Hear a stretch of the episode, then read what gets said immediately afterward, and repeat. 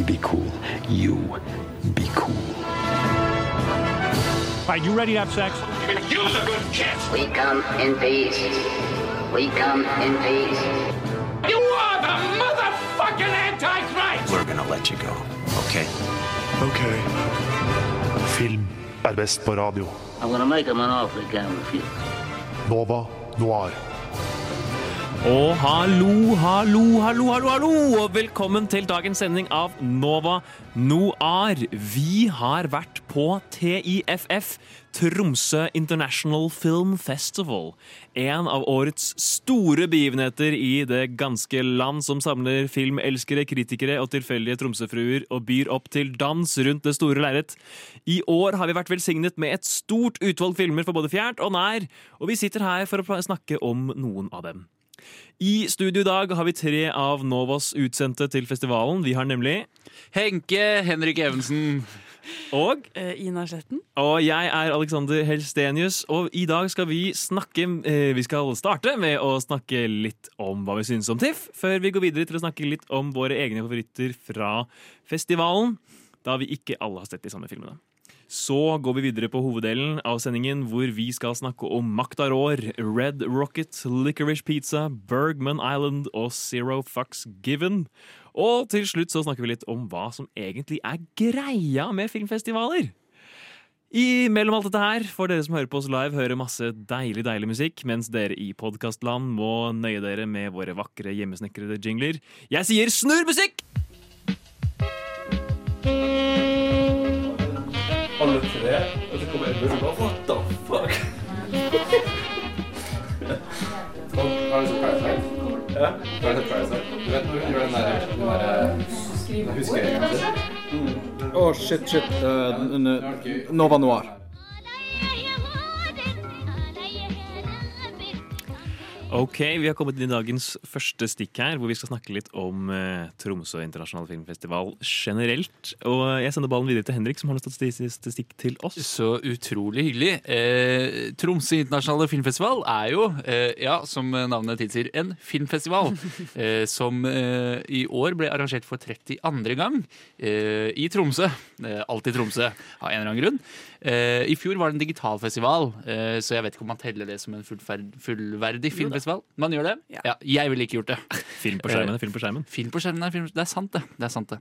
Uh, eh, TIFF de fronter seg jo som en eh, arena for felles filmopplevelser, med fokus eh, på kunstnerisk kvalitet, kuratert på bakgrunn av TIFFs verdier, med vekt på ytringsfrihet og humanisme.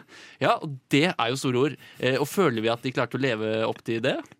Eh, ja, altså dette årets eh, filmfestival for min del var i hvert fall preget av ganske store eh, internasjonale titler for det meste. Men jeg har sett at de har programmert veldig mye mindre dokumentarfilmer og kortfilmer eh, som nok dekker mer av de som store ordene. Ikke, hva, hva tenker du, Ina? Ja, altså um, Vi var jo der Vi kom jo dit på torsdag kveld. Og festivalen har jo pågått siden mandag. Hadde offisiell åpning på onsdag, eh, tror jeg. Så vi kom jo på en måte litt i de siste dagene, og da er det jo lagt opp sånn at helgene der er det jo der folk flest kan dra på kino, så da er det også da de største filmene er satt opp. Så jeg skulle gjerne ønske jeg hadde fått eh, rukket å se mer av de litt smale filmene, fordi spoiler, så var det de filmene jeg syns var best eh, Eller skapte mest minner, eh, var de smalere filmene jeg så på festivalen. Det er jeg helt enig i. Eh, og vi så jo sånn ni-ti filmer ish hver. Ja, ti, jeg så ti filmer på Ti- fire dager. Ja, det er og, mange og så telte jeg over i stad alle- antall visninger, så kom jeg opp i over 180 visninger totalt. Så det er jo åpenbart veldig mye vi eh, har gått glipp av. Man får ikke med seg alt. Men jeg er også enig i at jeg, jeg syns de rare tingene som ikke dukker opp på kino uh, i nær framtid, var, var det som var det kuleste å se. Altså. Og så er det jo nettopp det som er så kult med filmfestivaler som Tromsø, at uh, mange av de filmene som blir vist, kommer aldri til å nå eh, norske kino, eller sånn den gjenge kinolerret. For eh, altså sånn, sånn som de filmene vi skal snakke om i dag, Licorice Pizza eh, og Red Rocket eh, og Spencer, eh, ikke som vi skal snakke om spesifikt, men det er jo filmer som vi vet er kjøpt opp og distribueres til eh, det store kinomarkedet. Og da er det kulere, egentlig, å se de filmene som du kanskje kan laste ned eller se på en eller annen eh, spesifikk strømtjeneste som Mubi eller Criterion på et stort lerret. Det er en veldig kul mulighet. Absolutt. Eh, og, eh, men det er jo også en et mulighet som, som TIFF eh, har utviklet etter at de hadde digital festival i fjor, er jo at man nå har hatt muligheten til å strømme filmer fra deres plattform hjemme. Og det gjør det også mulig for de som ikke er i Tromsø, og de som f.eks. Ikke orker å dra ut på kinoen. Jeg så i hvert fall selv en film i, leiligheten som vi hadde leid for anledningen. F- fant det utrolig tilfredsstillende. Jeg, tenker at jeg var på Kosmorama i Trondheim i 2021, ja, fordi jeg så to filmer på deres digitale, digitale uh, plattform. Uh, så jeg var faktisk på Kosmorama, jeg også. Men, Eh, Men dere som er altså, noen av Norges fremste eksperter på film, og sikkert vært på filmfestivaler før, hva tenker dere om liksom, selve festivalopplevelsen i Tromsø i 2022?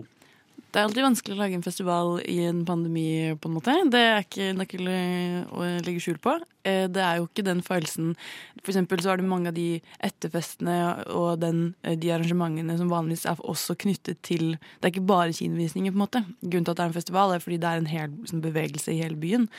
Og, eh, og jeg har hørt så mye om Tromsø, og det er jo eh, Norges største filmfestival også. Og selv om det er en veldig lite sted, så fikk jeg, jeg fikk jo den følelsen av at vi liksom vandret fra sted til sted. Men den helhetsfølelsen var jo ikke der, nettopp fordi man ikke har like mye frihet da, og muligheter som tidligere. Og det er også vanskelig eh, altså en, Det var vel kanskje du Henrik, som påpekte det at det var ikke så veldig stor festivalfølelse. Eh, og det tror jeg nok også kommer litt av at eh, Tromsø er jo en eh, Hva skal man si eh, Det er ikke den mest gjestmilde byen når man eh, er i januar måned. Det var jo ganske dårlig vær mens vi var der. De prøvde seg jo på liksom utevisninger med, med forholdsvis godt oppmøte, så vidt jeg forsto. Men det var jo på en måte å henge rundt omkring i de forskjellige vannhullene rundt omkring mellom, mellom visninger. Så man fikk liksom kanskje ikke den ordentlige festivalfølelsen. Selv om Tromsø sentrum er jo såpass lite at det egentlig er bare å gå liksom fram og tilbake mellom, mellom kinosaler. Men Henrik, du var jo en liten blindpassasjer. Ja, eh, si. På, eh, Snakk med meg i kofferten deres. Ja, som på utrolig kort varsel hoppet deg på eh, pga. sykdom. Eh, som kjempeimponerende. Men du vil kategorisere deg selv som en filmfyr, eller? Nei, altså i utgangspunktet eh, så vil jeg ikke tilhøre noen som helst elite i hele verden. Eh, så jeg er en vanlig filmkonsument. Jeg ser jo kanskje opptil tre-fire filmer i uka, som er sånn det er et greit eh, nivå, så jeg får med meg ting. Men eh, den festivalen endra litt eh, hvordan jeg tenker på film etterpå. Eh, For det er noe med Når du drar og ser én film på kino, så er det veldig store forventninger knytta til det. Enten er opplevelsen god eller dårlig, men allikevel så er det på en måte Det er én aktivitet som du har lagt ganske mye innsats i å gjennomføre. Men når man da ser opptil fire filmer på én dag, så det har liksom ikke så mye å si om filmen er god eller dårlig. Du lærer noe av det uansett. Du vet du skal se noe etterpå. Og du kan se liksom Da får du satt eh, ulike filmer opp mot hverandre på en helt sånn unik måte. Eh, Så jeg syns det var ordentlig gøy, og jeg titler titulerer meg nå som en selverklært filmnerd. Ja. Så bra at, det- det- dette, elementet med, med filmfestivaler skal vi komme nærmere til når vi snakker om eh, hva som er greia med filmfestivaler helt på slutten av sendingen. Jeg tenker egentlig bare vi sender ballen videre til, eh, til eh, vår tekniker som skal smelle på noe musikk.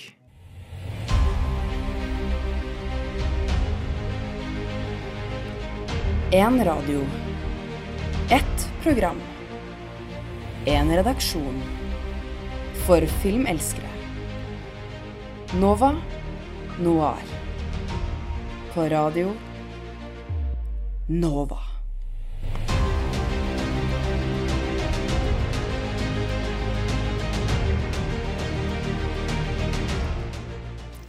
Og etter denne dramatiske jinglen så skal vi over i eh, til å snakke om våre favoritter fra, fra filmfestivalen. Vi har jo sett, som du sa, eh, rundt ti filmer hver. Og vi har jo ikke hatt muligheten til å se alle sammen eh, sammen. Så vi har eh, litt forskjellige filmer som vi har sett eh, enten alene eller i, i par. Jeg vet ikke om du Henrik, har lyst til å begynne med å trekke frem noe? Ja, altså jeg Det er én film som stikker seg spesielt ut for min del, som ingen av dere så. Jeg syns det er litt dumt at jeg ikke fikk delt den opplevelsen med noen andre. Men samtidig så er det en film som finnes på Mubi, så man har mulighet til å se den. Og den het Owls. Det var en islandsk film. Alt foregikk på islandsk. Eh, eh, Litt rart at den da har en engelsk tittel, men det er bare eh, min lille notis.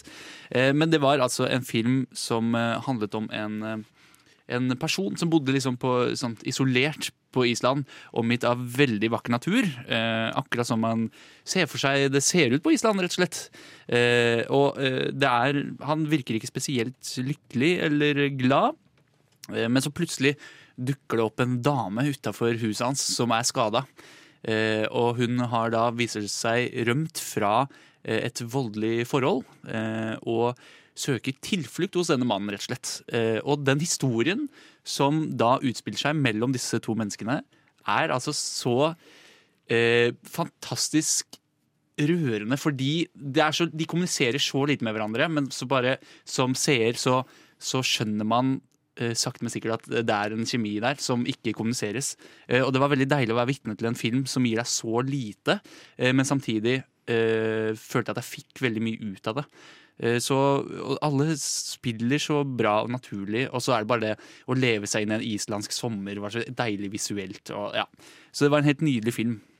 Det var vel en ganske god plass på såret etter at du så en annen islandsk-basert eh, film tidligere den Ja, for det skal til å si at Det var ikke den eneste islandske filmen på eh, Tromsøs eh, program. Det var en annen film som egentlig er kanskje mer kjent og mer, i hvert fall for, uh, har hatt mer forventninger, forventninger knyttet opp til seg, nemlig Lam av eh, Valdemar Johansson.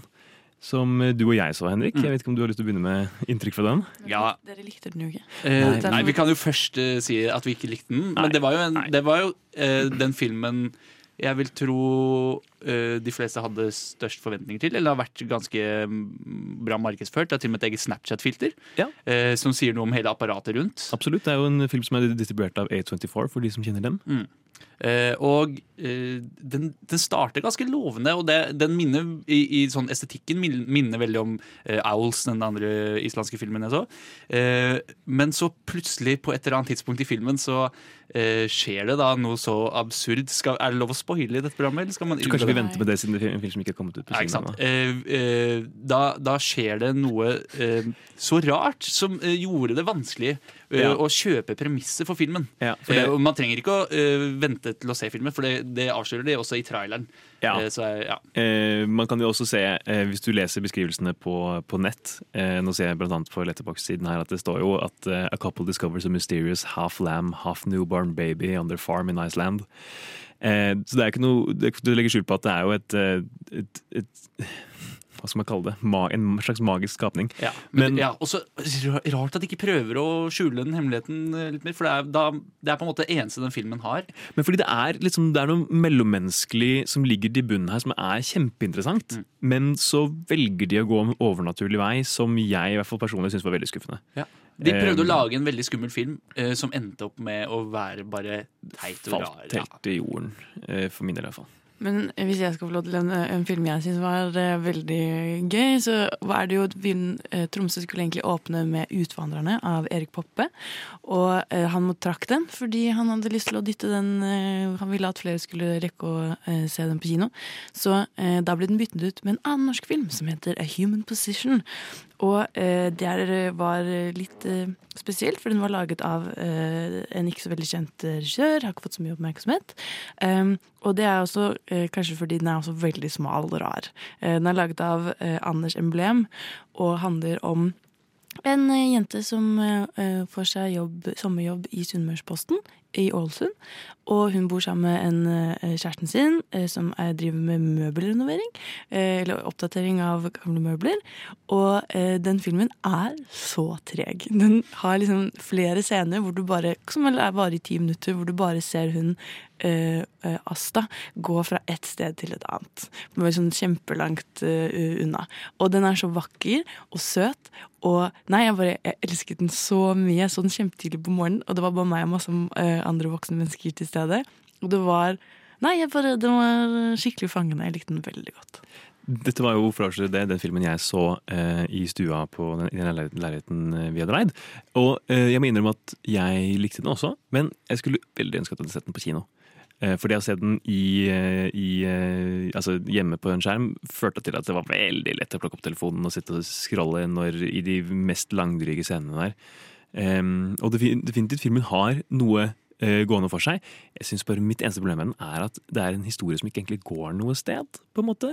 Men det er jo poenget. Ja, men den bygger opp noen plottmomenter som bare fiser ut ingenting. Eh, Og ja, den er flott. Og ja, jeg satte egentlig veldig pris på disse lange og holdt på å si treige scenene. Jeg skulle bare ønske at det var litt mer eh, substans i det plottet.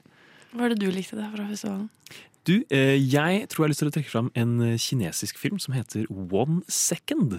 Eh, og den er regissert av den samme som gjorde Hero en gang i tiden. En ganske anerkjent kinesisk filmskap som heter Zhang Jimou. Og den handler om ja, Den handler om en, en mann som, som desperat trenger å se en newsreel på kino.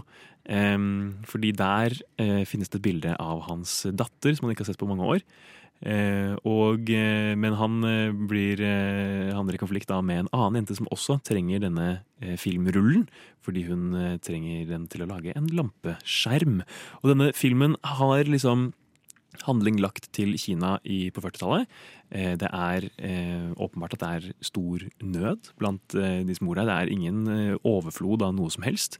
Og kinoen blir liksom det store eh, eskapistiske rommet. da, eh, Hvor man endelig kan liksom slippe vekk fra hverdagens kjas og mas.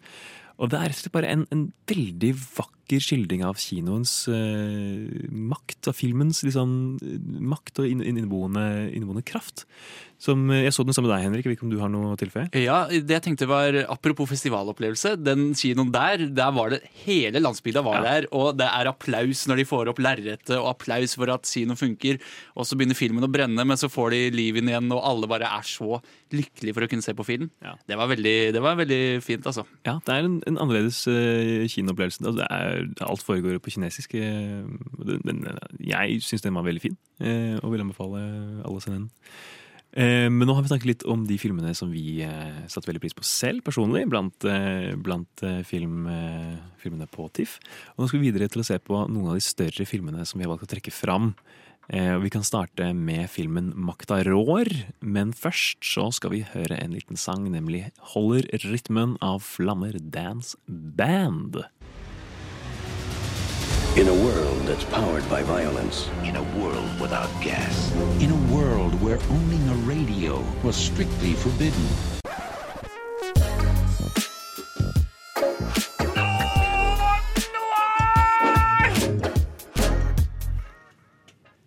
Trond Giske, 'Makta rår'. Ja, det er en dokumentarfilm av Håvard Bustnes, det.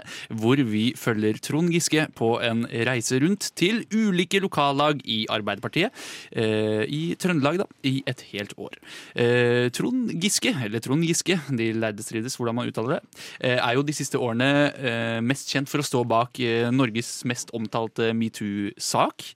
Eh, Og denne dokumentaren som handler om eh, nevnte mann, eh, vier mye tid til å oppsummere hele denne historien, samtidig som vi får være vitne til at Giske har nokså mye støtte rundt om i de små lokallagene til Arbeiderpartiet.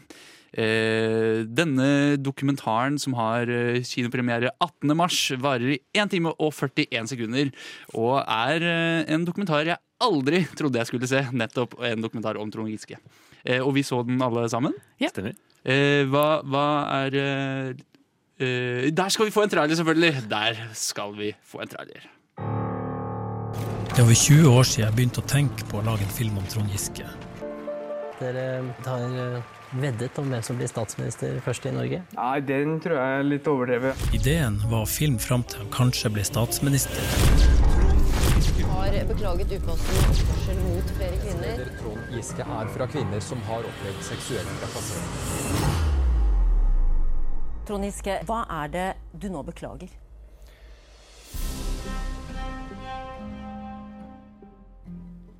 Ja, eh, utvilsomt eh, spennende og dramatisk. Jeg får også beklage min klønethet rett før vi hørte denne traileren. Eh, men eh, dere, hva er det dere sitter igjen med inntrykk etter å ha sett denne dokumentaren?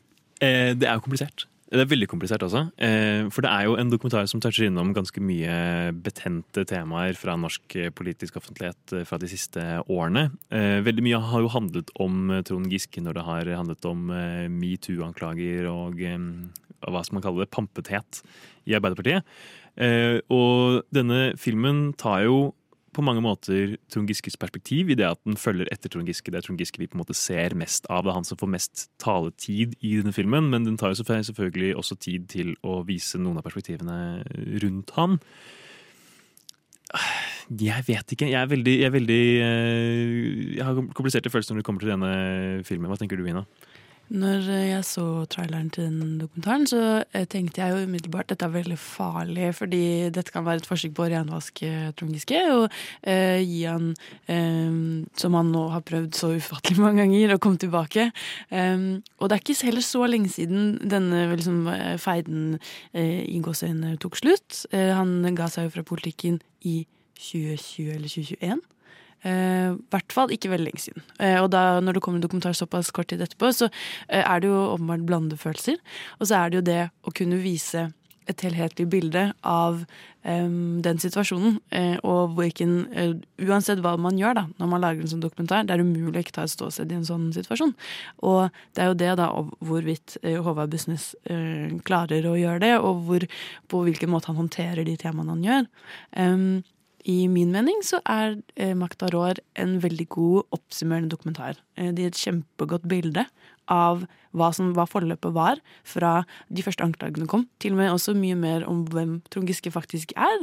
For meg, da, som ikke har sånn kjempenært eh, kjennskap til han, så var det veldig fint å forstå både hvem han har vært for partiet, men også hvorfor han har reagert på um, sakene som han har gjort, for det er liksom litt av hans greie, egentlig. Og det er det han har gjort hele sin karriere, er å kjempe mot uh, Ja, kjempe mot strømmen, da.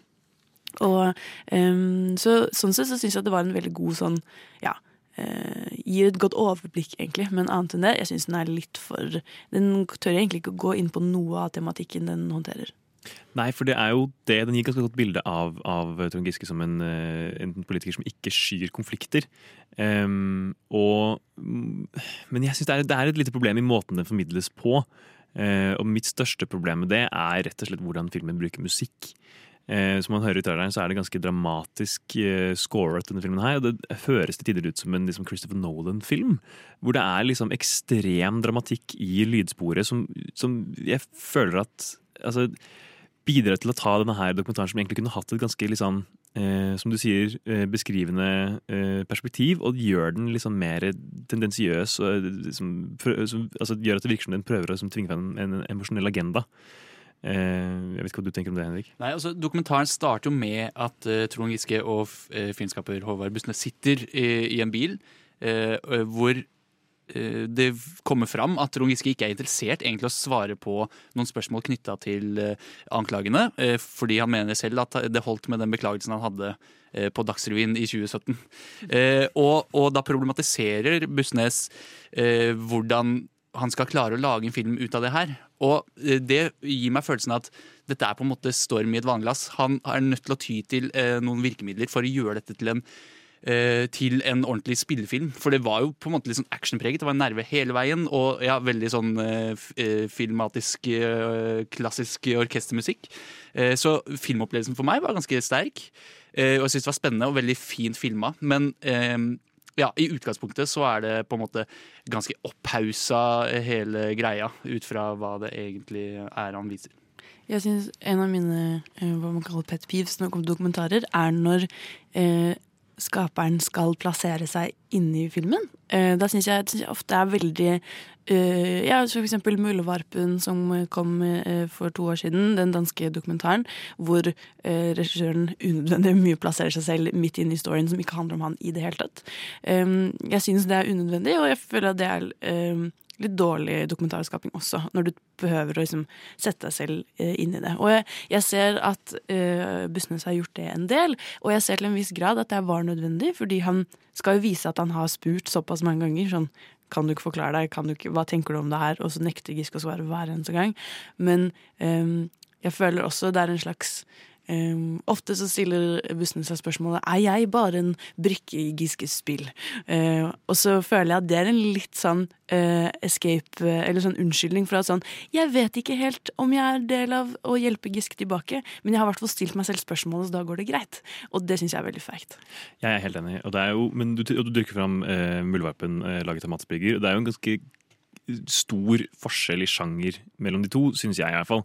Eh, Mats Brygger lager jo eh, utelukkede dokumentarer hvor han iscenesetter seg selv eh, i som en del av, av handlingsforløpet, uten at det eh, nødvendigvis medfører noen liksom, beklagelser på egne vegne. Nå er det jo deler av det i Muldvarpen også. Men jeg syns at det blir liksom til tider ganske klønete hos, hos Håvard Bussnes. Um, og jeg er enig i at det, altså det virker jo på en måte som om det er uh, At han bare prøver å liksom uh, si liksom Å, jeg har i hvert fall prøvd, da. Men han lager jo fortsatt filmen, på en måte, så han har jo kommet et ansvar. Men jeg, jeg tenker eh, i denne filmen så, så klarer Trond Giske å fremstille seg selv på en såpass eh, eh, klønete måte, for å låne ditt ord, at, at det er umulig at det blir noen form for renvasking. Ja. Eh, man får ingen sympati. Du, man får et inntrykk av at han er en utrolig dyktig politiker, eh, som antageligvis da er en eh, sannhet, men allikevel at han eh, nekter å ta inn over seg alvoret av det han selv har holdt på med. Det gjør det bare liksom pinlig å følge med på. Du har et veldig godt poeng der. Eh, og det er jo tydelig i hans politikk at man kan jo si mye om, om måten han har oppført seg på privaten, men en dyktig politiker, det er han jo. Eh, jeg tror kanskje det at, eh, at det skal bli vårt siste ord i vår samtale om eh, makta rår, og så tenker jeg vi snurrer en liten sang.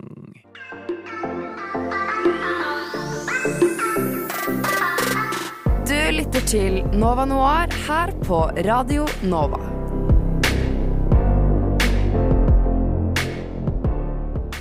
Da har tiden kommet til å snakke om eh, Red Rocket, som var en av mine uh, personlige favoritter fra uh, TIFF i år.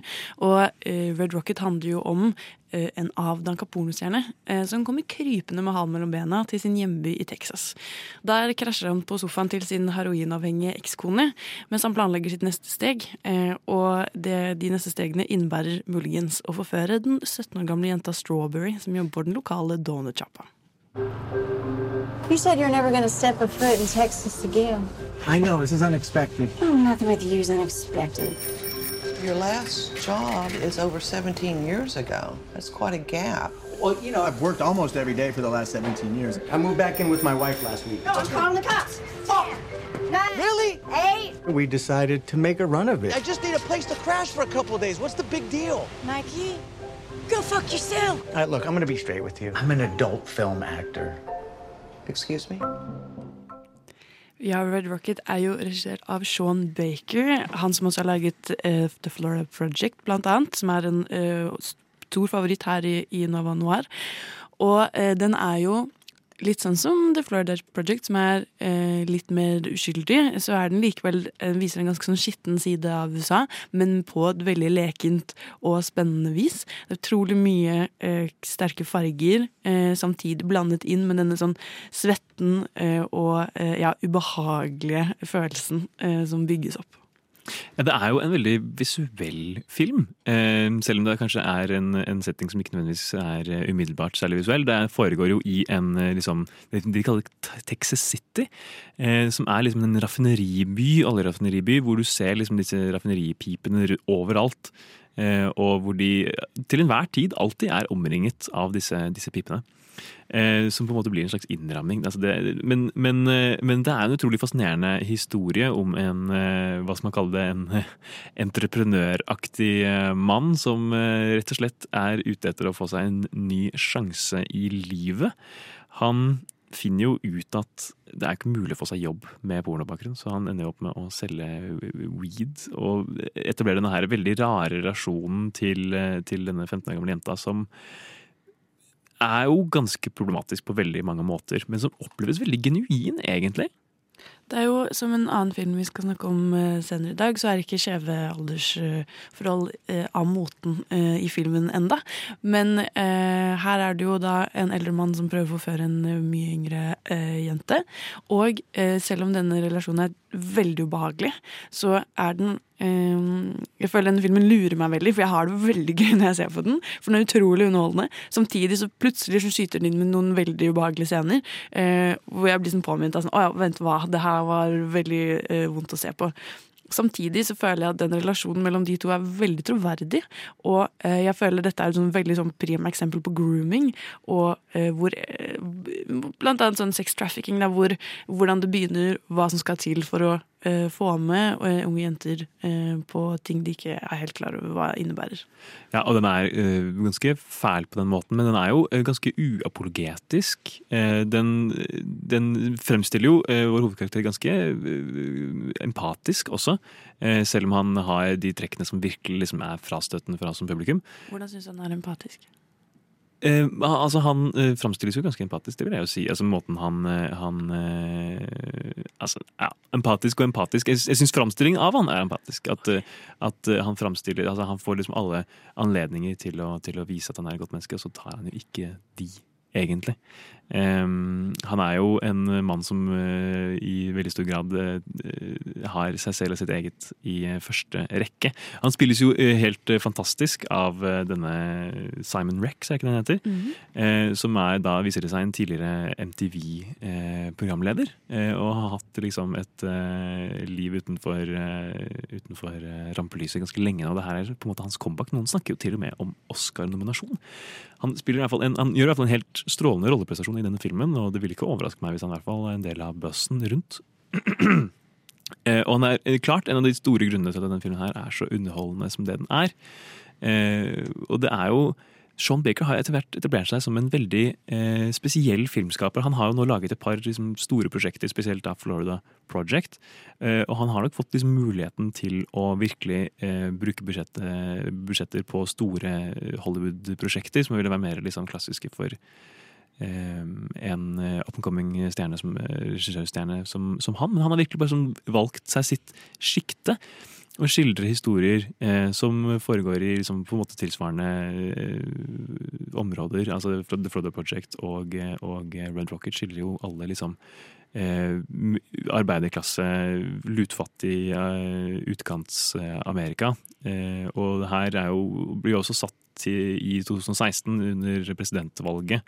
Og vi ser jo stadig eh, Trump eh, avbildet. Jeg vet ikke hva du tenker om det, Ina?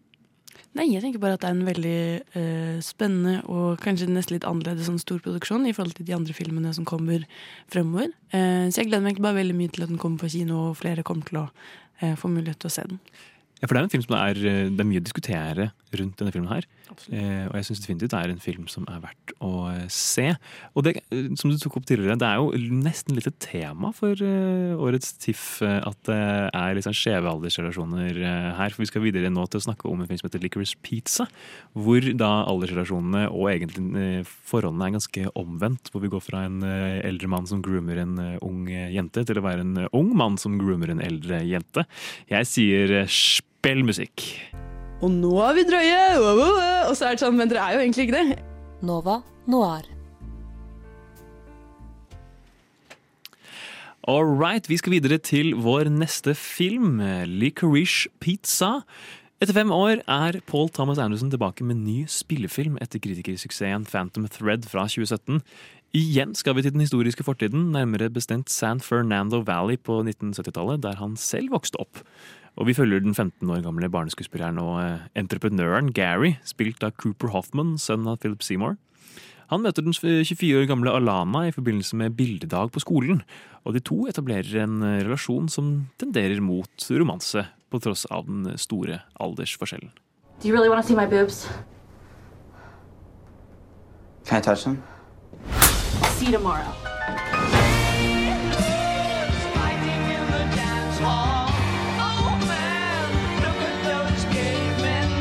It's weird I hang out with Gary and his friends all the time. I think it's weird that I hang out with Gary and his 15 year old friends all the time.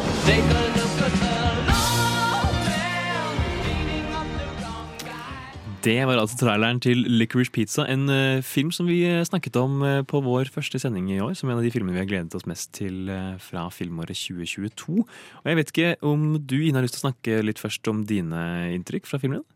Ja, fordi dette jeg kan jo, Hvis man skal oppsummere den veldig kort, da, så er det jo uh, Once Upon a Time in Hollywood bare dårligere. uh, ja, fordi dette er da uh, et innblikk i eh, Paul Thomas Andersons barndom, angivelig. eh, Hvordan det var å vokse opp på 70-tallet. Og det er jo en um, Du finner denne kjærlighetshistorien i bunn. Eh, Det er det som liksom de baserer seg rundt. Hvor da Alana Haim har sin eh, storfilmdebut. Altså Alana Haim fra bandet Heim.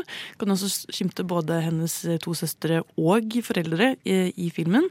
Og da, som du sa, sønnen til Hoffmann. Mm. um, og uh, han er da uh, 16.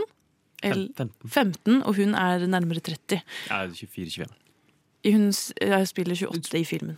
Gjør hun det? Ja, hun sier det. Okay. Eh, underveis. Men eh, uansett. Eh, og så bygger det dette rundt eh, hva som liksom foregår i livene deres. Men jeg opplevde det som ganske rotete. Eh, usammenhengende. Fordi, og mange løse tråder som aldri ikke nødvendigvis må lede noe sted, men heller har aldri noen konsekvenser. Det er veldig mange ting som bygges opp, og så bare ja, plutselig er de borte, og så hører man ikke noe mer om det. Eh, og det syns jeg var, med tanke på eh, den eh, regissøren Paul Thomas Anderson her, så eh, ble jeg ganske skuffa. Eh, og syns det var ja, egentlig bare en veldig ja, igjen rotete film. Hva syns du, Henrik? Eh, ja, jeg er enig. Eh, jeg skrev litt notater underveis, og det første som står er at det var en undervelmende Once Upon a Time-aktig historie. Eh, og, for det skjer jo de- overraskende mye likt på et vis. Eh, de drar jo også opp, eh, opp i øvre Hollywood eh, og eh, Møter stjerner. Møter stjerner. Eh, og hvis man har sett Once Upon a Time in Hollywood, så skjer det jo noe altså Det er det mest dramatiske jeg noen gang har sett på film, på et vis. I sånn De Tarantino-stil. siste 20 minuttene? Ja. Ja. eh, mens når dette skjer i, i Licorice Pizza, så er det sånn det, det, det, gir meg ikke så mye, annet at det, var litt artig. Jeg synes det var mange fine karakterer, men det er litt for eh, Jeg føler at dette er en ja, som du sier, en slags, eh, et slags eh, lek uten noen konsekvenser. Føler litt som, det er litt som å spille GTA, du kan gjøre hva du vil, og det er ikke så farlig. Eh, Men sånn er jo ikke livet i virkeligheten. Og når de eh, prøver å da, ja, lage en film som skal speile, speile samtid, eller tiden, eh, så, så funker ikke helt for meg heller. At det ikke er noen regler og konsekvenser. Og så har jeg heller ikke eh, noe tro på det forholdet. Eh, og fordi godt nok greit nok man kan se bort ifra Hvis man først skal se bort fra aldersforskjellen, så syns jeg heller ikke at noen av de er spesielt sjarmerende mennesker. Jeg ikke, heier ikke på de, jeg syns ikke de passer godt sammen. Eh, jeg skjønner ikke relasjonen deres, rett og slett. Da. Eh, og så legger du på at det også er eh, godt over ti år mellom aldersforskjell, eh, så får jeg heller ikke så veldig lyst til å heie på at de skal finne sammen mot slutten.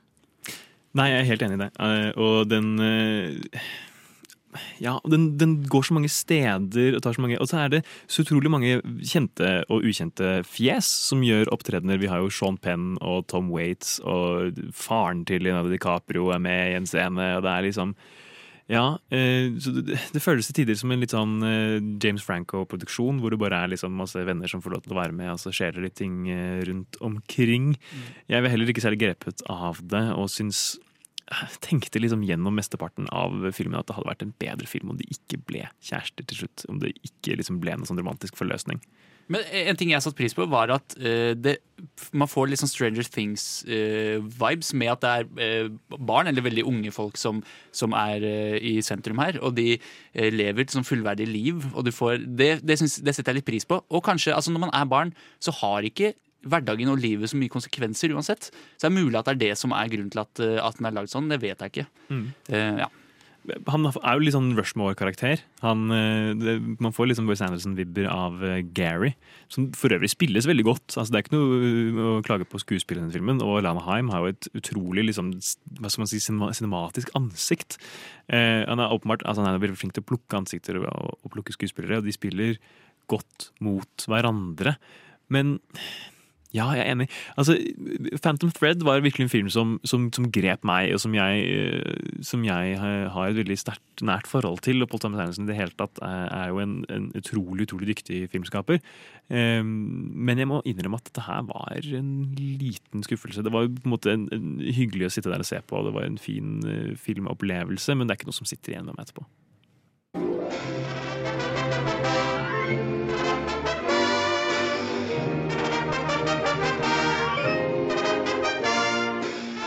Du lytter til Nova Noir hver torsdag 10-12 eller på podkast når du vil. Ja, da, Vi snakket om Paul Thomas Anderson, og han er jo kjent for eh, annet filmen Phantom Thread, hvor vi finner Vicky Creeps som en av eh, skuespillerne. Hun er nå eh, aktuell i filmen Bergman Island, eh, som følger og spiller da en av to i et regissørpar, Chris og Tony. De ferierer på den svenske øya eh, som, som er kjent som stedet Ingmar Bergman produserte mange av sine verk i. Og i sin søken for inspirasjon skriver Chris en tilsynelatende fiktiv kjærlighetshistorie om fortapt kjærlighet, samtidig som eh, forholdet, hennes ekteforhold eh, sliter litt. Can I tell you about what I'm writing? Yeah. A young woman looks into the distance. She's about my age, or maybe a bit younger. They loved each other passionately and awkwardly, like teenagers do. I never mentioned it to my girlfriend. But she's jealous of you. Why her and not me? You spaced out. No, I didn't. Yeah, you did. No, I didn't. Det er da Mia Hansen Løve, som er en fransk eh, regissør eh, som ikke jeg er så veldig godt kjent med fra før, i hvert fall, som har regissert Bergman Island. Og eh, er jo, den er jo spesielt aktuell for oss siden eh, en av de som spiller i det fiktive forholdet, er spilt av Anders Dansen Lie. Så vi har jo norsk representasjon, representasjon i denne eh, filmen. Og eh, jeg kan jo si med en gang dette er den filmen jeg likte minst fra årets filmfestival. Hvorfor det? Eh, fordi den eh, er um, utrolig treg. Eh, skuespillet er overraskende stivt. Den eneste jeg syns er imponerende, er Vicky, eh, men hun er jo alltid gull verdt. Jeg syns at historien er blass. Den er kronglete fortalt, dårlig porsjonert. Den er rett og slett bare kjedelig og lite inspirerende. Hva syns du, Henrik? Nei, altså, eh, Filmen har jo et uh, veldig interessant og uh, et, et metagrep, rett og slett. Uh, man kan vel avsløre såpass at det er ikke bare én film, men to filmer på en gang. Men jeg må innrømme at dette er den filmen hvor jeg sjekket klokka oftest. Og den varte rett og slett for lenge. Når man tenkte at endelig er den ferdig, så kom det mer og mer og mer som ikke ga noe som helst. Eh, Så jeg også, Dessverre er det litt ekkokammer her eh, i studio, da. Eh, Ingen som syns det var en spesielt fengende film. Nei, det er i kvantitet over kvalitet, for min del i hvert fall. Og det er jo noe med Altså, den har jo dette her utgangspunktet i Fårö, som er liksom Bergmans øy, Bergman Island, hvor eh, de er- bo, har et sånt, eh, sånt eh, hva skal man kalle det, sånt skriveopphold på, på øya. Eh, og de er rundt og besøker liksom, locations fra filmene hans, og de har tilgang på hans private kino, hvor de ser 35 mm filmer og sånne ting. Og innimellom alle Bergman-referansene så skulle man jo håpe at det var et interessant plott, men det er det rett og slett ikke. Det blir liksom bare Det, det er Bergman-referanser oppå Bergman-referanser, og så er det litt sånn stivt spill. Alle svenskene i denne filmen her spiller så stivt og, lite troverdig. Alle Altså Det virker som hun bare har gitt opp å gi reginotater til noen som ikke snakker eh, har engelsk som førstespråk. liksom. Ja, jeg synes det var veldig, en veldig rar opp- kinoopplevelse. Altså, jeg satte med, På det beste så var det en, en deil, et deilig minne om eh, skandinavisk sommer. Men de klarer faktisk å fremstille både Ingmar Bergman, altså alt rundt han, og hele Fårö som et utrolig dølt sted. Eh, og da ender man opp med to dølle karakterer. eh, Som skriver på dølle filmer eh, på et dølt sted. Og alt på en måte Det er ingenting som er spennende eller som eh, fanget noe som helst i meg. Eh, og det er utrolig synd, altså. Det, altså det er eh, Jeg prøver å komme på ting som jeg satte pris på i den filmen. Jeg sliter litt. Eh, Anders Danielsen Lie er jo søt som alltid, men gjør ikke noe sånn veldig imponerende rolleprestasjon her. Eh, nei, jeg, jeg sliter rett og slett med å, med å komme så veldig mye mer enn at eh, det var en litt kjedelig filmopplevelse. Men Ina, du sa jo noe eh, om at eh, forholdet her eh, er litt sånn på hell. Eh, hvordan kommer det fram i filmen? Altså, du ser jo da eh, dette tilsynelatende liksom perfekte eh, paret hvor begge er suksessfulle eh, filmskapere. Eh, og så eh, jo lengre det, det er jo også mye fordi de er i, eh, på Bergman er jo kjent for å skrive filmer eller verker om ulykkelige forhold, for å si det mildt. Og det blir jo blant annet nevnt at huset de bor i, er jo der eh, Scenes from a Marriage eh, har blitt eh, delvis filmet. Og eh, det er jo nesten som om ved å komme dit, så begynner som alle de Den eh, ja, henger over dem, på en måte. At de er på et så destruktivt eh, sted.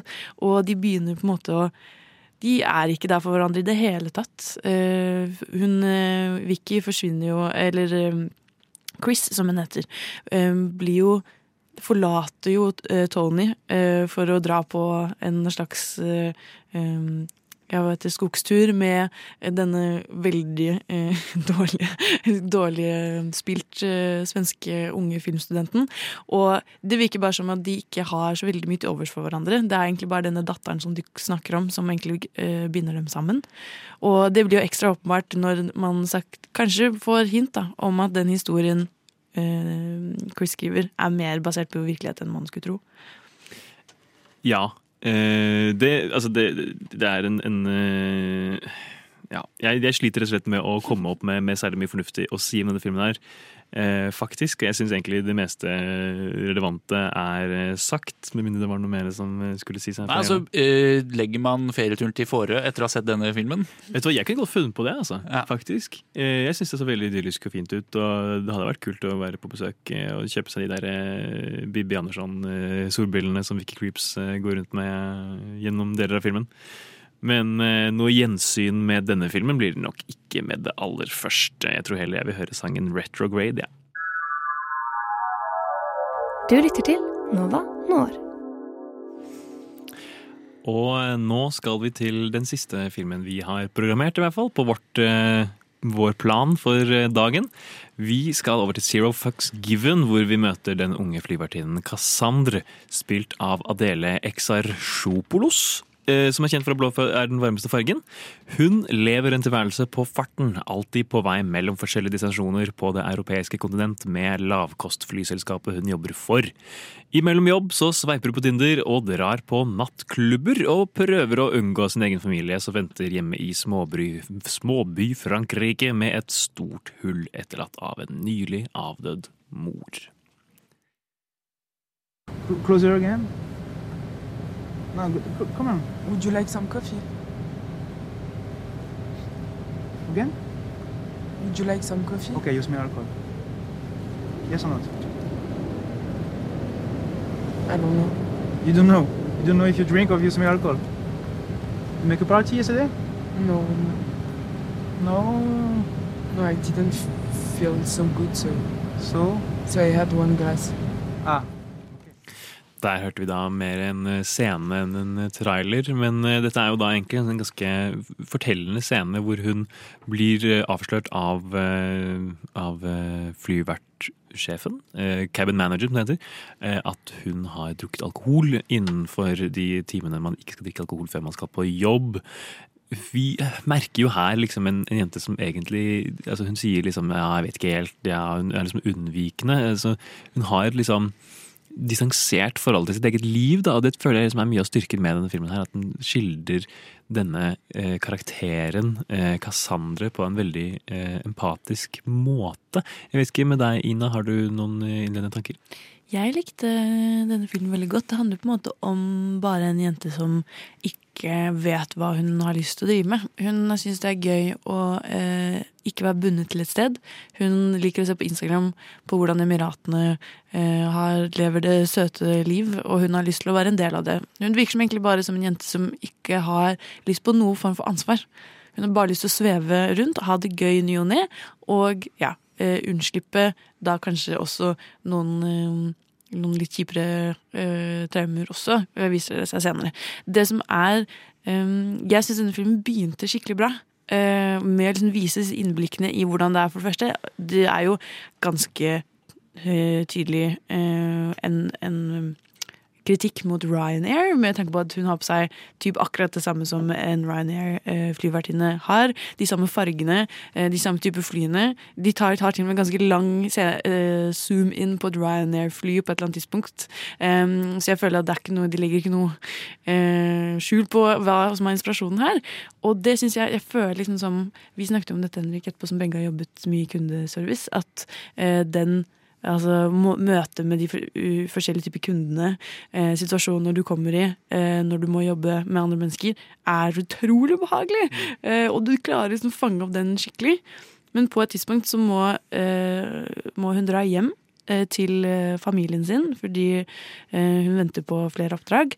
Um, og da går det liksom dypere inn i liksom, forholdet til familien hennes, og så da hva som har skjedd med moren.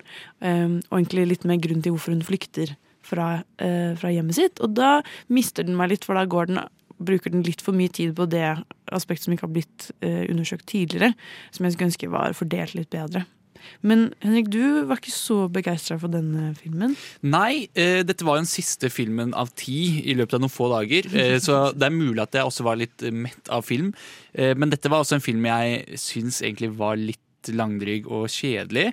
Eh, samtidig, som du sier, før dette her skiftet i filmen, eh, så, så, klarer de veldig fint å vise det, det styggeste jeg har sett av eh, turismebransjen og servicebransjen. Og de viser til og med altså, at de fine feriestedene sør i Europa klarer de bare å vise på en ordentlig stygg og litt ubehagelig måte, på et vis. Så de får til ganske mye. Samtidig så ble jeg bare så frustrert over at den personen finner seg i alt mulig og har så lite tæl. Eh, så men igjen så har jeg jobba lenge i servicebransjen, så det er mulig at jeg blir sånn personlig berørt, eh, eller pinlig berørt på hennes vegne, av å finne seg i så mye dritt. Eh, men eh, egentlig, egentlig, er det en fin film, men den er utrolig virkelighetsnær. Og jeg tenkte underveis sånn at jeg heller ville bare sett en Hvis de hadde lagd en dokumentar eh, som hadde vist det samme, så hadde jeg fått mye mer ut av det. Samtidig så er sikkert uh, billigselskapene i flybransjen vanskelig å komme innpå i virkeligheten. Så det er ikke sikkert en dokumentar hadde gått an å lage. da. Nei, det er kanskje et godt poeng. Jeg syns at det er en uh, altså Den har definitivt sine, sine gode deler. Jeg er helt enig med deg, Ina, om at den mister meg litt når den mister den lavkostselskap-settingen. Men øh, jeg tenker også altså den, der, altså den, den, karakteren vi har, øh, Cassandra spilt av Adela Xaropolis, øh, hun det er jo liksom en klassisk Adele Xaropolis-karakter. i det at det liksom det, Hun sier ikke så mye, det er litt mer sånn trekker på skuldrene. Hun har liksom et sånn eh, hands off approach til livet. Hun eh, lar liksom ting føre henne i den retningen det, det gjør, og tar veldig lite grep selv. Fram til hun liksom blir tvunget til å ta et sånt kurs hvor hun blir cabin manager selv. Um, og da føler man liksom at å, kanskje, det, kanskje, det, er noe her, kanskje hun liksom skal ta litt ansvar for sitt eget liv. Og så gjør hun ikke det likevel, på en måte. Og så har vi noen avslutningsscener som egentlig bare er liksom ambivalente. Så på den måten så følte jeg at jeg ville, ville gjerne hatt litt mer en payoff på det, liksom. Ja, det er virkelighetsnært. Eh, og det føles jo veldig eh, troverdig, på en måte, sett fra denne karakterens ståsted. Men eh, det etterlot meg i hvert fall i, med, med, følelsen at jeg, jeg ville egentlig hatt noe mer enn payoff på det. Men jeg føler på en måte det at hun ikke kanskje tar så mye grep, er egentlig Jeg likte det veldig godt, fordi jeg syns at det er egentlig også ganske realistisk. At sånn Det er jo Man kan jo si hva man vil om filmer og, og deres narrativ, men det skal ofte så kommer ikke til å bli bedre mennesker, på en måte.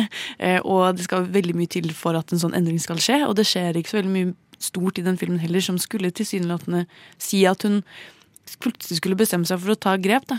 Og det føler jeg at jeg tror det er veldig mange i hennes situasjon. Ikke nødvendigvis som jobber for Ryanair eller hvilket annet billigselskap, men eh, som bare er føler seg litt sånn mellomsteder og vil egentlig unngå mest mulig å ta ansvar. Vil bare kunne eksistere på en eller annen måte. Så jeg føler bare Jeg likte det veldig godt at hun er litt ensformig, fordi det er det veldig mange som er også. Det er også eh, det som dette lavkostselskapet utnytter ved henne. Eh, og det viser de jo egentlig på en ganske god måte når de har Det er en scene med, med noen streikende arbeidere som prøver å få disse med på, på denne streiken, hvor Adele er bare sånn Nei, jeg vil bare gjøre jobben min, jeg vil ikke liksom forholde meg til noe mer enn en, en det. Eh, og, og på den måten så er det jo en, en, god, god skildring. Og det er jo også litt sånn eh, en, et, eh, en gjentagende greie på, med, med, på altså de, de filmene som vi snakket om i dag, at det er karakterer som ikke endrer seg så mye. Trond Giske i Bak endrer seg ikke stort. Eh, vår hovedkarakter i Red Rocket endrer seg jo ikke særlig mye i løpet av filmene, eller filmen. Og, og hovedkarakteren i Bergman Island heller ikke. Det er liksom stille, det er litt sånn lite, lite karakterutvikling i de filmene vi har snakket om uh, i dag. Kanskje egentlig var det jeg ønsket meg litt mer av etter å ha sett så mange filmer uten karakterutvikling. Mm. Der er jo Spencer, som er en film vi ikke har snakket om uh, i dag, uh, annerledes. Der møter vi jo Diana i eh, avsluttende perioden av hennes ekteskap med, med prins Charles. Eh, prins Charles? Ja, Ja. prins Charles. Lurte på om jeg hadde fått mine britiske kongekarakterer eh, feil.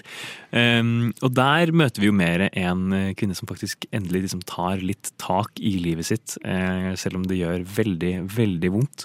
Um, og kanskje skal, skal vi ta en kjapp tur innom Spencer, Henrik? Ja, det kan vi gjøre. Uh, for det er jo da basert på eh, den sanne historien om prinsesse Diana, men eh, likevel fiktivt. Eh, hvor de framstiller da Det er eh, julefeiring på et eller annet eh, slott i Storbritannia. Hvor de klarer å gjøre det så utrolig marerittaktig å være Diana. Eh, at hun på et eller annet tidspunkt får et sånn ordentlig sammenbrudd. Det klikker for henne. Eh, fordi altså, ting er så innmari stivt og, og lite menneskelig i det britiske kongehuset, da. Eh, så det er en reise man blir med på. Det er stort sett Diana det handler om. Det er veldig få andre som snakker i den filmen. Ja. Eh, Bort fra hennes nærmeste tjene, tjenestepersonell, eller hva man skal kalle det. Og barn. Eh, ja. Eh, men så tar hun da, som du sier, grep etter hvert. Filmen slutter med at hun bare Fuck det her, nå skal jeg eie den situasjonen. Og det er en veldig deilig payoff. Eh, samtidig, så kan, alle filmer kan ikke være sånn heller, tenker jeg.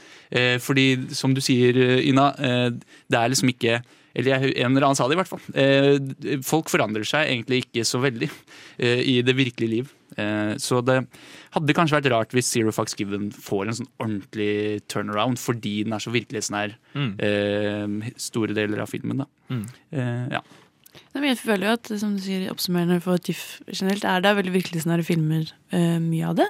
Eh, også sånn som Human Position er jo også et altfor virkelighetsnært eh, blikk på hvordan det er å gå i en by, f.eks. Eh, så jeg føler jo at eh, det har vært en veldig allsidig eh, katalog i forhold til sånn type filmer, da. Eh, og igjen så er dette mye av de store filmene som kommer på kino senere også. Og det kan jo si nok om filmklimaet vi er i akkurat nå. At man er ganske hyperrealistiske. Eh, og går inn i sånn hvordan samfunnet fungerer eh, på, kloss hold, da. Dette er veldig fint at vi kommer fram til. for Innledningsvis så eh, beskrev, eller, eh, leste jeg hva TIFF beskriver seg eh, som. Og Det er jo en eh, filmfestival med eh, vekt på ytringsfrihet og humanisme. Og ut fra det vi snakker om nå, så er det jo noe de absolutt har oppnådd. da. Eh, og, og velge ut et utvalg filmer som faktisk legger, legger vekt på disse tingene. Jeg tenkte også på One Second, som vi, Mm. det var den første filmen vi så. Eh, som var Kina på eh, 60-70-tallet. 40-tallet? 40, det var såpass gammelt, ja. Eh, der også er det, det er også veldig virkelighetsnært. Eller man føler man er litt som flue på veggen i hvordan viben var der. Selv om den også hadde noen kunstneriske ja, friheter i, Ja. i narrativet. Ja, Det er definitivt trykk på humanismen i de filmene vi har snakket om i dag. Jeg vil bare raskt nevne en film som ikke er veldig realistisk, som jeg satte veldig stor pris på. Eh, som også var eh, ikke den første, men den andre filmen jeg så. 'History of the Occult', som er en argentinsk eh, horror-spørsmålstegn-film. Eh, men jeg er jo kjemperedd for ting, eh, og den her var ikke skummel i det hele tatt. Og den er, blander veldig kult sånn Det er jo nesten litt realistisk. Det skal virke realistisk, for det er en mockumentary-type film. Eh, men så blander den inn ganske sånn overnaturlige elementer. Eh, og, det, eh, og den var, skilte seg veldig ut fordi den strider litt mot eh, altså trekkene til alle de andre filmene. Eh, som jeg synes var Og det gjør vel kanskje Lamb også, eh, som dere nevnte. Ja, Det var jo den filmen som du som, som så samtidig som vi så Lam. Eh, og jeg må innrømme at, det, at jeg har hørt deres beskrivelse av den. Det er jo en film som har skapt litt forskjellige reaksjoner i vår, eh, vår redaksjon. Det kan du jo faktisk se hvis du går inn på vår Instagram-side, så har vi en story akkurat nå hvor du kan se reaksjonene fra eh, Hanne, Kim og Ina, som var de som har sett eh, denne filmen. Eh, og der eh, skulle jeg ønske at jeg kanskje egentlig hadde vært istedenfor å, å være på Lam. For Lam er jo en film som kommer til å få en ganske bred kinodistribusjon, mens jeg vet ikke helt hvor man kan få se History of the Occult. Jeg tror kanskje nå har vi beveget oss litt ut fra Zero Fox Given til å snakke litt sånn bredere om eh, filmfestivalen og litt sånn andre filmer vi har sett. Så kanskje egentlig vi bare skal, gå over til å snakke om eh, filmfestival generelt. Konseptet filmfestival. Hva er, hva er greia med det, liksom? Eh, ja How was I to know? Det var Langva med sangen How Was I To Know. Du hører på Nova Noir. Who do you think you are, anyway? Answer me, or I destroy you. Og da skal vi videre til eh, vårt siste ordentlige stikk, som i dag skal handle om eh, hva er greia med filmfestivaler?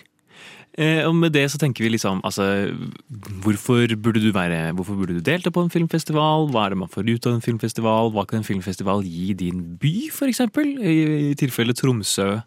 Og eh, hvilke filmfestivaler er det vi har foran oss nå i Oslo, som vi burde få med oss? Jeg vet ikke, Sender ballen videre til deg, Henrik. Ja, altså, Dette var jo mitt første møte med en filmfestival. Eh, så jeg, jeg visste jo ikke hva det kom til å dreie seg om i det hele tatt. Eh, og jeg må jo være såpass ærlig og si at det var, som jeg tidligere har vært inne på, en ordentlig fin opplevelse. Eh, kjempepositivt overraska.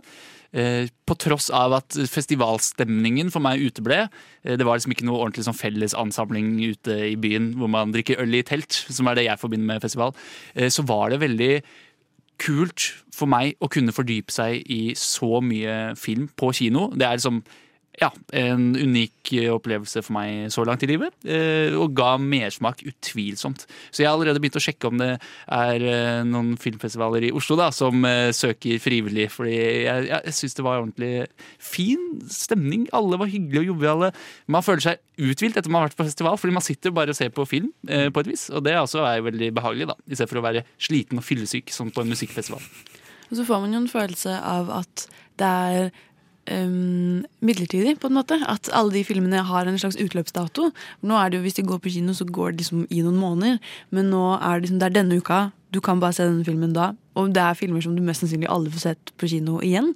Og det er liksom en ekstra sånn ja, Et ekstra uh, lag av sånn uh, unik uh, opplevelse. eh, føler jeg, da. Og det er noe jeg har i hvert fall tatt med meg hjem fra TIFF i år. Det er min første liksom, ordentlige filmfestivalopplevelse. Jeg har liksom vært på noen filmfestivaler før, men av varierende grad. Ikke funnet ut av billettsystemet og vært liksom, på noen forestillinger på, på eh, Oslo Pix. Det jeg tar med meg hjem, er at jeg skal neste gang prioritere å se de smalere filmene. Eh, for nå har jeg i denne anledningen prioritert liksom de store filmene som kommer til å få kinopremiere framover. Og det føler jeg at jeg var kanskje litt sånn bortkastet. Jeg brukte en anledning til å se noen liksom rare filmer som History of the Cult, eksempel. Eh, når jeg kunne ha sett liksom Lamb på kino når den kommer ut nå denne uken, og så heller ha sett History of the Cult. Eh, og der eh, Ja, altså nå har vi jo masse filmfestivaler som kommer til Oslo eh, nå framover. Og hva, hva får man ut av det? Jo, altså du får jo sett utrolig mange filmer som du kanskje ikke ville sett ellers. Eh, og du kan, eh, altså Det skaper jo også samhold rundt det å, å, se på film. Og det er noe helt annet, føler jeg i hvert fall. Jeg synes om Publikummet på TIFF jeg synes det var eh, helt strålende med liksom, applaus etter hver film og, og, god stemning i det hele tatt. Hva tenker du om det, Henrik? Eh, Jeg også syns det var hyggelig. Selv om eh, av og til nølende applaus, men det var, det var bare én som har sett i gang. Ja. Eh, så det er veldig hyggelig. Da skjønner man liksom at folk her er faktisk interessert i film, og ikke bare eh, drar tilfeldig gjennom kino. Eh, og så eh, ja, så Ingen her antageligvis hadde kommet til å besøke Tromsø med det første, hadde ikke vært for denne festivalen. Så for Tromsø by så må det jo faktisk være en veldig fin mulighet til å vise fram eh, byen sin. Eh, og ja, det er ikke noe hemmelighet da. Tromsø var ikke verdens mest spennende by, eh, så det passa jo fint å, å bruke dagene til å se på film. Det var jo mye mørkt også, ja. så det gjør liksom ikke, man føler ikke at man kaster bort tiden ved å sitte åtte timer i en kinosal om dagen. da. Jeg føler også at um, det er betydelig viktig Altså det er viktig at det er et sted som Tromsø, fordi eh, filmfestivalene i Oslo føler jeg aldri får den samme følelsen. Oslo Pix til en viss grad klarer å skape en liten følelse fordi de bruker eh, byen på en veldig god måte. Men det er, i Oslo så er det flere små filmfestivaler, og jeg tror de egentlig hadde klart seg mye bedre hvis de hadde vært i andre mindre byer og gjort det til en ordentlig sånn begivenhet for hele eh, hele stedet. For nå er det mer sånn i Oslo så skjer det så utrolig mye hele tiden uansett, så det skal veldig mye til å overdøve alt annet som skjer. Og da synes jeg det var, altså Vi snakket med noen som bor i Tromsø, som var bare sånn, det er, dette er den kuleste uka i hele året. Og det, jeg skulle ønske man kunne si det om eh, Film fra sør eller arabiske filmdager på samme måte. da. At det er da. Da rydder man kalenderen fordi det er da det skjer. Det, skulle, det burde man jobbet mer med. Men jeg føler at det er vanskelig å oppnå i en by som Oslo, hvor det er såpass mange mennesker og såpass mye ting som skjer hele tiden uansett. Og det er mange fordeler med å ha en filmfestival i en by som Tromsø, blant annet fordi det liksom tiltrekker seg gjester, og, men også bare fordi det er liksom et sted, et ganske lite sted, så det er liksom gåavstand mellom alt, og, og alt føles liksom veldig tilgjengelig. Jeg tror liksom det blir noe vanskelig å oppnå den samme følelsen fullstendig i, i Oslo, selv om man, man godt kan eh, prøve. Eh, og det syns jeg også det er verdt. Altså det, nå har jeg ikke vært på Oslo Pix på noen år, men jeg synes i hvert fall sist gang jeg var der, så hadde de satt av området utenfor Klingeberg kino eh, og brukte det som festivalområde, og det syns egentlig var veldig kult. Vi snakket jo litt om det i stad, dette med at eh, er det egentlig en filmfestival når det er digitalt? Eh, og det jeg syns var gøy, spesielt med Tromsø, var at de hadde lagt ut de, Når du kommer inn på hver kinovisning, så har de et sånt eh, en egen åpningslåt, eh, som er ganske dramatisk. Og den hadde de lagt ut på YouTube, sånn at man kunne sette på den før man startet filmen digitalt. Det syns jeg er veldig hyggelig, for da får du sagt sånn Ja, ok, du må se det hjemme, men da har du i hvert fall eh, illusjonen av at du er eh, og ser på film i Tromsø. Ja, vi så jo eh, Human Position digitalt, eh, og da var det jo faktisk eh, Da var den der i starten av filmen, liksom lagt inn med en liten introduksjon fra festivalsjefen og, og i det hele tatt. Eh, det gjorde du liksom til en liten festivalopplevelse der hjemme i, eh, i stua. Eh, ja, det var jo Det er jo fortsatt en, et snev av pandemi i samfunnet. Eh, og det gjorde at vi hadde Man har alltid et sete ledig på hver side. Ja. og det vil jeg bare eh, trekke fram som en utrolig luksus ved denne festivalen. Selv om det var vanskelig å få billetter fordi det fort ble utsolgt, eh, så har man nok aldri hatt så god plass eh, til å bre om seg på kino. Legge jakka i setet på venstre side, og så setter man eh, snopet på høyre side. Ja. Eh, og jeg var så heldig at jeg fikk eh, såkalt en sånn lenestol på Ja, en av visningene. ja. Kunne vippe opp beina og bare legge meg på siden og se på film. Og det var så behagelig. Og sovne. Jeg holdt på å sovne, for det var Jeg husker ikke hvilken film det var. Spencer. Eh, Ja, det var nok Spencer, ja. ja. Eller Bergman Island. Bergman Island. Bergman Bergman Island var det. Ja, eh, i hvert fall. Jeg er glad jeg ikke sovna. Det er ikke så, hvis jeg hadde våkna eh, og innser at jeg har snorka for eksempel, på kino, det er ikke noe man vil oppleve. Det så det taler kanskje imot et behagelig sted på kino. Men det var, jeg var jo på en morgenvisning for Human Position, og da var det en dame foran meg som måtte duppe litt eh, underveis. Og det, det er fort gjort. Ja. Eh, og det var veldig gøy at hun ble refset for det av vennene sine etterpå. Men min beste, eller mine beste opplevelser der var de filmene som var litt tidlig på dagen. Ja. Eh, fordi man drar som regel på kino på kvelden og man har litt forventninger og kjøper seg en øl. Og så, og så er det, hvis filmen ikke leverer da, så er det litt skuffende. Men når det er på dagen, så har man på en måte eh, ja, Da har man gjort det. Da, og det. Ja, du kan gjøre andre ting resten av dagen uten at eh, Mm. alt er ødelagt. på en måte Mm. Eh, Så det var fint å få mulighet. Og så bare det å uh, se en film uh, og vente 45 minutter til du ser en annen film, og så venter du 45 minutter, og så ser du enda en film på kino. Uh, magisk opplevelse, Ja. syns jeg. altså. Men jeg føler at det som også var veldig spennende, er de dagene etter festivalen. Fordi da har jeg liksom kommet på sånn, Å, jeg så den filmen der. Hva tenkte jeg egentlig om den? Fordi du får jo som du sier, bare 45 minutter mellom, eh, mellom slagene. Og da um, glemmer man litt og tenker for Man får liksom ikke den uh, måten til å hva heter det, uh, digest uh, det, det du nettopp har opplevd. Så jeg føler liksom de siste dagene har jeg liksom hatt flere sånn Å ja. Ja, det, hva, hva syns jeg egentlig om den her? Og det synes jeg var veldig hyggelig. egentlig. Ja, det er liksom en opplevelse som blir med deg eh, videre ut. Jeg, kan, jeg, jeg, jeg, jeg, at kommer til å tenke på TIFF i mange måneder eh, framover. Men heldigvis så trenger vi ikke vente så altfor lenge før det er nye festivaler i Oslo allerede. Vi har jo eh, Human International Documentary Film Festival, som går av stabelen i slutten av februar. Og så har vi jo også eh, Vi har også eh, arabiske filmdager, som er fra 16. til 20. mars. Og så har vi jo Oslo Pix fra 29. august til 4. september, og, og mye annet for de som er interessert i det. Eh, vi vil jo, altså det er jo biff til høsten. Hvis man har lyst til å ta seg en liten tur eh, si, eh, ut av eh, storbyen og besøke en annen by og få seg i, i litt film på veien. Det kan i hvert fall anbefales veldig stort. Sånn, altså, denne, denne lille jeg vil, vil vil ikke kalle det en storbyferie vi har hatt. Småbyferie. for oss, eh, ja. Ja.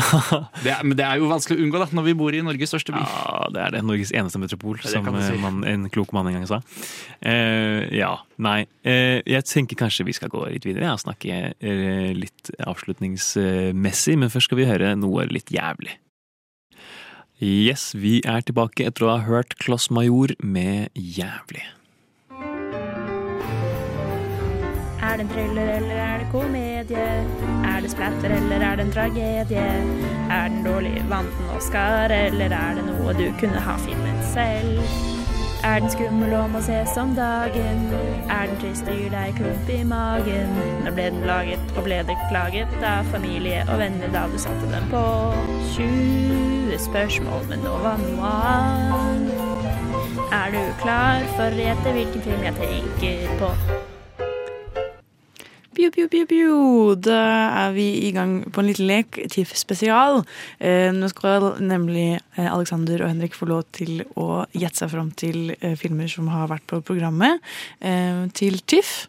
Og eh, jeg skal da hviske det til eh, lytterne, så da får dere ta av dere headsetet. Eh, Et spørsmål først eh, Ja. rundt eh, hvordan vi avvikler denne, denne leken. Er det, er det slik at det kan være hvilke som helst filmer fra programmet som vi ikke engang har sett? Eller er det en film som vi har et annet forhold til ved at en av oss har sett den?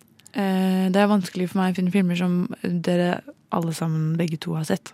Som vi Ja. har snakket om. Uh, Men det kan jo Ja. være en film som en av oss har sett, f.eks. Jeg tenker Det må også være lov å velge filmer som eh, man vet at har vært programmet.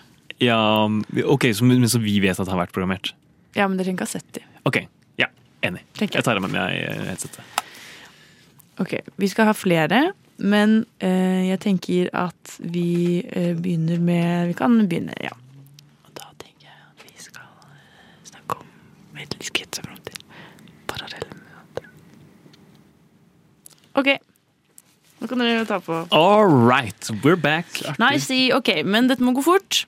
Eh, og dere må Dere kan da Jeg kan bare svare ja og nei. Er den større enn en fyrstikkeske? Ja. Et spørsmål 19 igjen. Eh, eh, er den fra Island? Nei. Er den fra Norge? Nei. Eh, ok, eh, er det karakterutviklingen? Eh, ja. Er det en spillefilm? Ja. Er, det, er den kontroversiell? Nei. Er den fra Europa? Ja. Eh, er det Zero Fox Given? Nei. Eh, Er det en eh, kvinnelig hovedkarakter? Ja. Snakker de engelsk? Nei. Snakker de fransk? Nei. Eh, eh, snakker de svensk? Nei. Nei. Faken, dette er Denne vrien, du. Var. Det var ikke norsk. Kan vi få et musikalsk innslag eller et hint? Vil dere ha et hint? Ja, et lite hint, takk. Eh, en i dette rommet har sett den. En i dette rommet har sett den. En etter rommet har sett den. Eh, det var ikke norsk. Nei. Eh, Skal dere stille samme spørsmål på nytt, eller er det nei, eh, er det History of the Cult? Nei. Nei. Um, er det satt i nåtid? Ja. Satt i nåtid. Har vi snakket om det i dag? Nei. Ok. Jeg føler det er du som har sett den.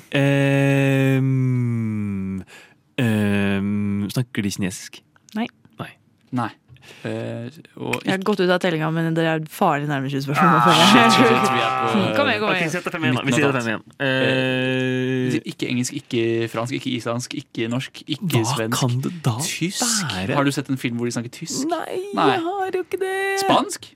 Ja! Spansk? Madres paralelas! Parallelle mødre. Det er riktig. Ah, jeg hadde helt glemt at jeg hadde sett den filmen. Ai, ai, ai, ai. Wow! lek. Dette gjør jo Nova Noir til verdens koseligste filmprogram. Da. Ja, velkommen om bord i denne skuta hvor vi seiler for vår egen sjø. Eh, En til? Ja, Kan så du gjøre den latterlig enkel? Ja. Fordi vi er skikkelig dårlige. Eh, ok, da må du ta headset igjen. Gulling. Drive my car. Ok. Er dette en film vi har sett? Eh, vi som er begge? Ja. Nei. Er det en film en av oss har sett? Ja. Ditt spørsmål. Ok, det her er ikke et spørsmål, men det er altså en film jeg har sett. Eh, hvilke filmer er det jeg har sett alene, da?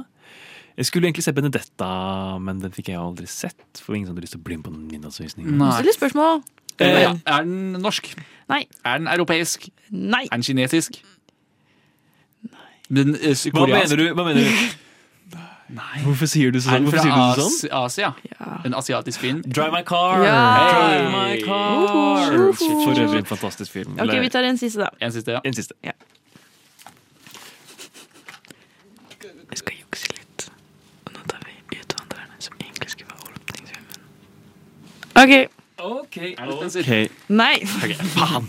Har ikke flere spørsmål. Eh, er det en film eh, vi har eh, en av oss har sett her i rommet? Nei. Begge? Nei. Ingen? Nei. Ingen har sett den! Ingen har sett den. Ingen har sett den? Ok, en film som ingen Er det Benedetta?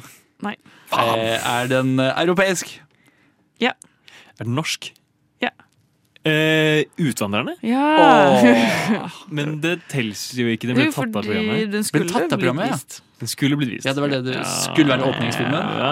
Hvor, hvorfor ble den tatt av programmet? Er det noen som vet Fordi det? han ville at folk skulle se den. Ja, det var distributøren som har flyttet premieredatoen til som de har gjort med så- Kampen om Narvik i to år nå. Yes. Det er bare å glede seg. Sånn sett. Ehm, til det skal vi, ikke, skal vi ikke Kan jeg ta en? Skal du ta en? Kan jeg ta en? OK. okay. greit. Interesting. Ok, Uh, vi må ta en film. Kanskje vi skal ta Owls. Får lov til å snakke så mye. Nå tror jeg de andre begynner å lure veldig på hvorfor jeg bruker så lang tid på dette stikket, så jeg tror kanskje vi skal slippe dem inn. Jeg tror kanskje de tenker at jeg baksnakker dem veldig mye, men det ville jeg aldri gjort, for de er jo veldig søte mennesker. Ok, eh, vær så god. Sånn! Det er provoserende lenge. Ja. Hæ? Ida, Jeg jeg syns du skal dere hele stille tiden. første spørsmål. jeg.